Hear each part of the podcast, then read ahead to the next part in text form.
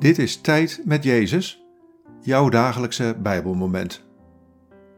Luister in de stilte naar Gods stem.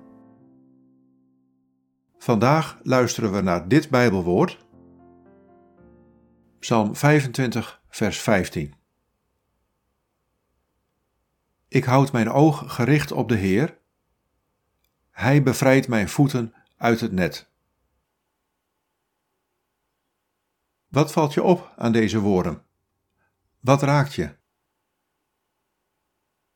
Ik houd mijn oog gericht op de Heer. Hij bevrijdt mijn voeten uit het net.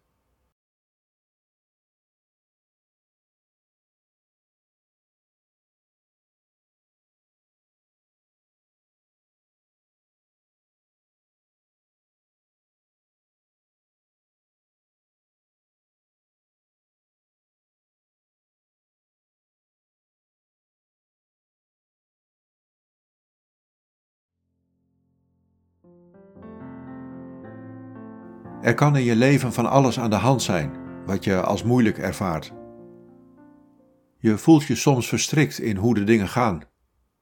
Je hebt er geen invloed op. Je zit erin vast.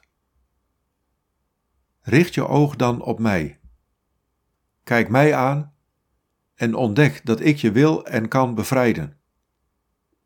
Ik breng weer ruimte in je leven. Ruimte in je hart en je hoofd.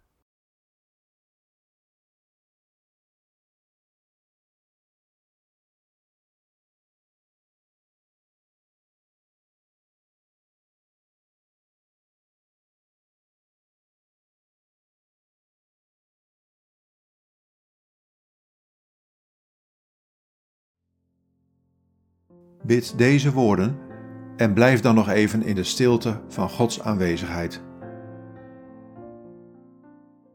God, bevrijd mij.